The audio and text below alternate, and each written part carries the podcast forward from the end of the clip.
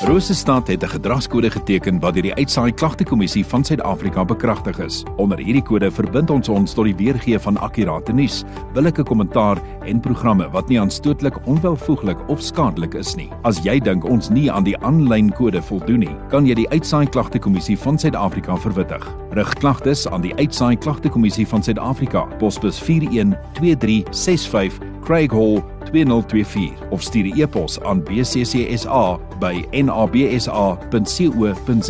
Vir verdere inligting, besoek www.bccsa.co.za.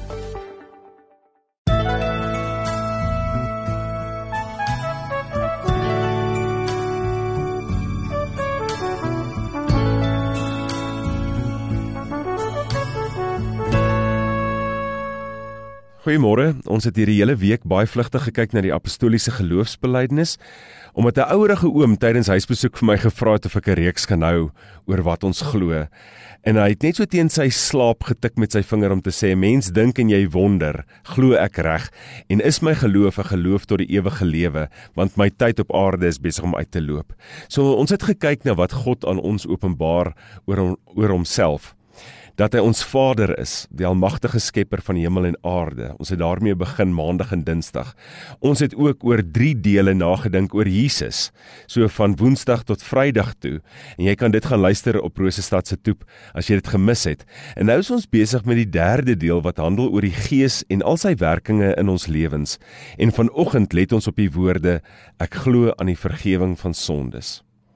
Nou oom Chris Lambregt se Kantamus koor sing 'n aangrypende loflied. Die woorde is so eenvoudig. Dit herhaal en herhaal. Kom ons word stil en begin ons tyd saam die Here met die woorde van daardie wonderlike koorlied. Aan U kom 'n lofsang toe. Aan U kom 'n lofsang toe. Halleluja. Ja, halleluja. Aan U kom 'n lofsang toe, o God. Amen. Die Here groet jou met liefdevolle woorde, genade en vrede vir jou en dis van God die Vader, Seun en Heilige Gees.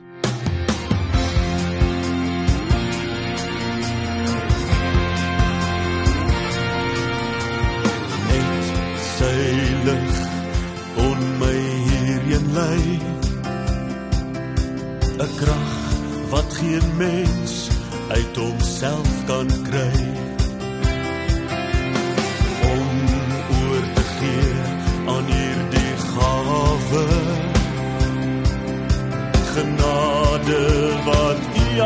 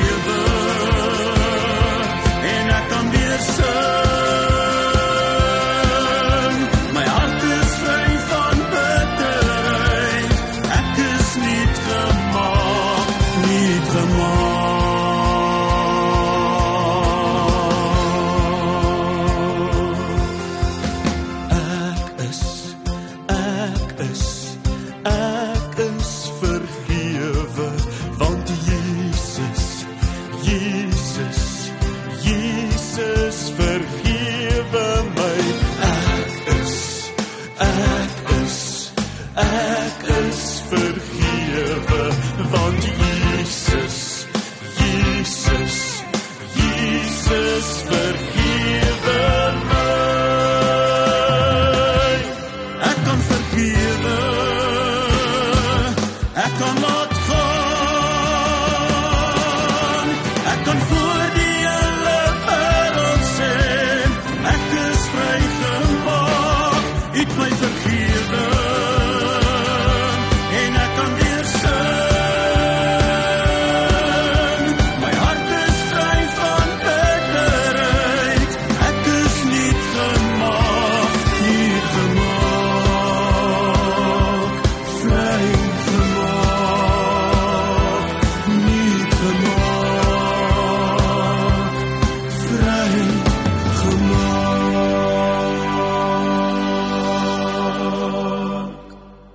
Here, ons loof U vir U goedheid. U is die bron daarvan, 'n bron wat nie opdroog nie. Onuitputlik is U liefde.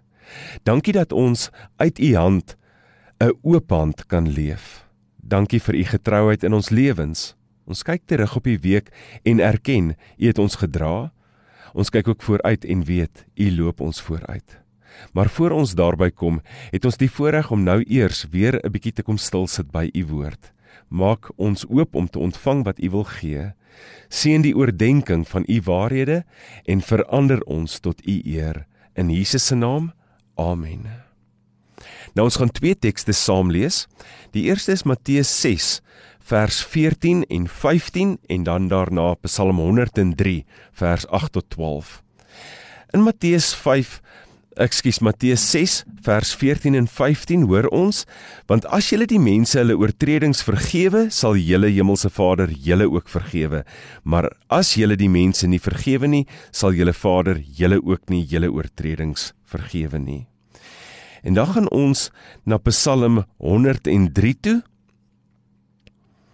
En daar lees ons vanaf vers 8 Barmhartig en genadig is die Here geduldig en oorvloedig in troue liefde. Hy beskuldig nie vir ewig nie en bly nie vir altyd toornig nie. Hy behandel ons nie ooreenkomstig ons sonde nie en vergeld ons nie ooreenkomstig ons sonde skuld nie. Want so hoog as wat die hemel bo die aarde is so troon sy liefde sy troue liefde uit bo die wat vir hom ontzag het. So ver as wat die ooste verwyder is van die weste so ver verwyder hy ons oortredings van ons. Ek het gelees uit die 2020 vertaling Wanneer ek en jy die vergifnis van sondes bely, gaan dit nie net oor God wat ons in Christus aan die kruis vergewe het nie, maar ook dat ek aan die saak van vergifnis glo, dat ek ook glo dat ek ander vergewe en kan vergewe. Het jy al so daaraan gedink? Dit behoort nie vir ons 'n vreemde gedagte te wees nie. Jesus het ons immers geleer in die Onse Vader gebed, die modelgebed, vergewe ons oortredinge soos ons ook vergewe. Nou moet ons vir mekaar sê, My vergifnis van ander is gelukkig nie die gronde vir God om my te vergewe nie. Wie van ons sal sou dan vergewe word, nê? Nee, God wat my vergewe is die gronde dat ek ook ander vergewe. Sy genade vir my stel my in staat om genade vir ander te hê. Wanneer ons glo aan die vergifnis van sondes, dan erken ons dat ons skuldig is. Ons is sondaars. Maar ons juig ook want ons is verloste sondaars soos Luther gesê het. Paulus skryf mos in Romeine 7 Dit wat ek nie wil doen nie, doen ek. En wat ek graag wil doen, ai, doen ek nie. En hy noem homself dan 'n ellendeling, maar tel sy kop ook op omdat Jesus hom gered het. En dan loof en prys hy die Here. Dis wat ek en jy ook doen met hierdie belydenis. Johannes skryf in sy eerste brief hoofstuk 1 vers 8: As ons beweer dat ons nie sonde het nie, bedrieg ons onsself en is die waarheid nie in ons nie. Deur hierdie belydenis te doen, behou ons dus die waarheid van wat ons is in ons. Maar ons sing ook daarmee 'n oorwinningslied. Ons is mos meer as oorwinnaars deur hom wat ons krag gee. Romeine 8. Hy het ons skuld afbetaal met sy eie bloed. Eens en vir altyd roep die psalmdigter bly. Weet jy wat is jammer? Ek en jy sê ons glo in vergifnis. Ons bely dit. Maar leef ons dit regtig? Dis 'n heel ander storie. John Bunyan het eeue gelede die storie vertel van Christian wat dan nou verwys na 'n Christen, nê. En hy het hierdie swaar bondel sonde op sy skouers gedra. Die las het hom geskuur tot moegheid en moedeloosheid, soos ek en jy ook maar partykeer voel oor die sonde wat soos klitsgras aan ons bly vassteek en wat ons met ons saamdra. Maar dan is Christian na Jesus aan die kruis kyk, ervaar hy hoe sy swaar bondel van sy skouers afgly. En dis eintlik wat moet gebeur wanneer ons hierdie artikel in die kerk saam met medegelowiges, medebegenadigdes bely. Die belydenis moet die las vir ons ligter maak want ons word herinner dat ons vrygespreek is. Weet jy vergifnis is so maklik en tog so moeilik. Nie net sukkel ons om God se genade te aanvaar en sonder gewetenslas te lewe nie. Ons hou ook wrokke in stand teen mense wat ons seer gemaak het. Daarby pynig ek en jy ook onsself oor verkeerde keuses en afdraai paaie wat ons in die lewe gemaak het. Terwyl God in die Bybel sê julle is nuwe skepsels. Die ou is verby, die nuwe het gekom en ek en jy kan elke dag nuut oorbegin. God se liefde bedek mos alles, sê 1 Korintiërs 13. Maar wat doen ek en jy? Ons gaan grawe soos 'n hond ou bene weer op. Ons moet stop daarmee. Anders kan ons net sowel hierdie deel van ons belydenis doortrek. Glo jy regtig in die vergifnis van sondes? Ons sluit ons gebed af met um EL de Villiers se gedig Balansstaat wat 'n bietjie vertel van die worsteling met vergifnis. Kom ons bid. O Heer, ek dank U vir U groot geduld met my. Ek is so in die skuld by u. My bankstaat bly in rooi getik. Nulle kom voor die komma by. Ek sluk soms swaar daaraan. Ek bied so min en vra alweer krediet en kry dit. God weet hoe. Ek is soms bang u roep my in om alles te betaal en haal my uit u waag skaal uit as 'n te groot risiko. Ek sluit af 'n twyfelaar wat glo.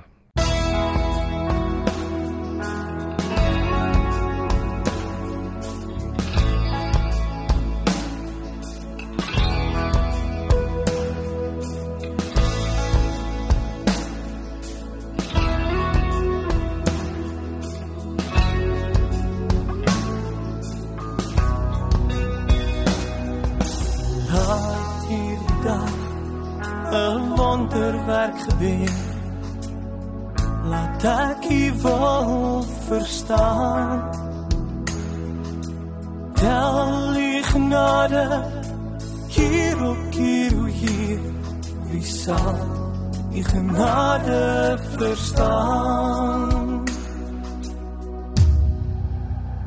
O u vergewe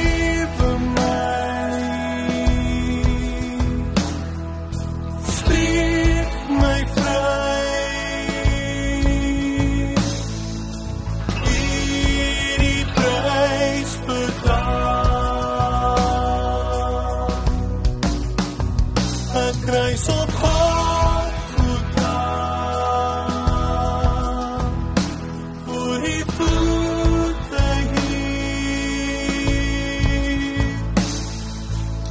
hier ek voor u neer.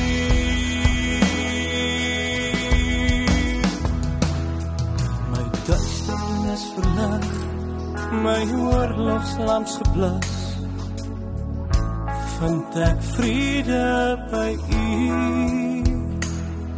U woord lig en skaal, is my wapenrusting hier. Staan vastig in die palms van u hand. O, u vergewe my.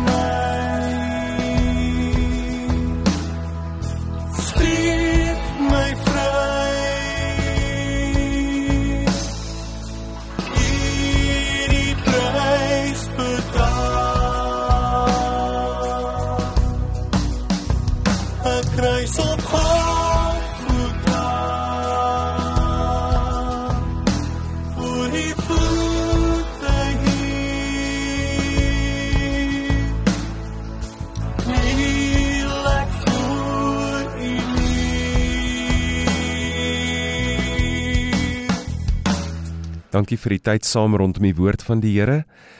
Ek wil graag die seën van die Here oor jou uitspreek. Mag die lig van sy teenwoordigheid oor jou skyn. Amen.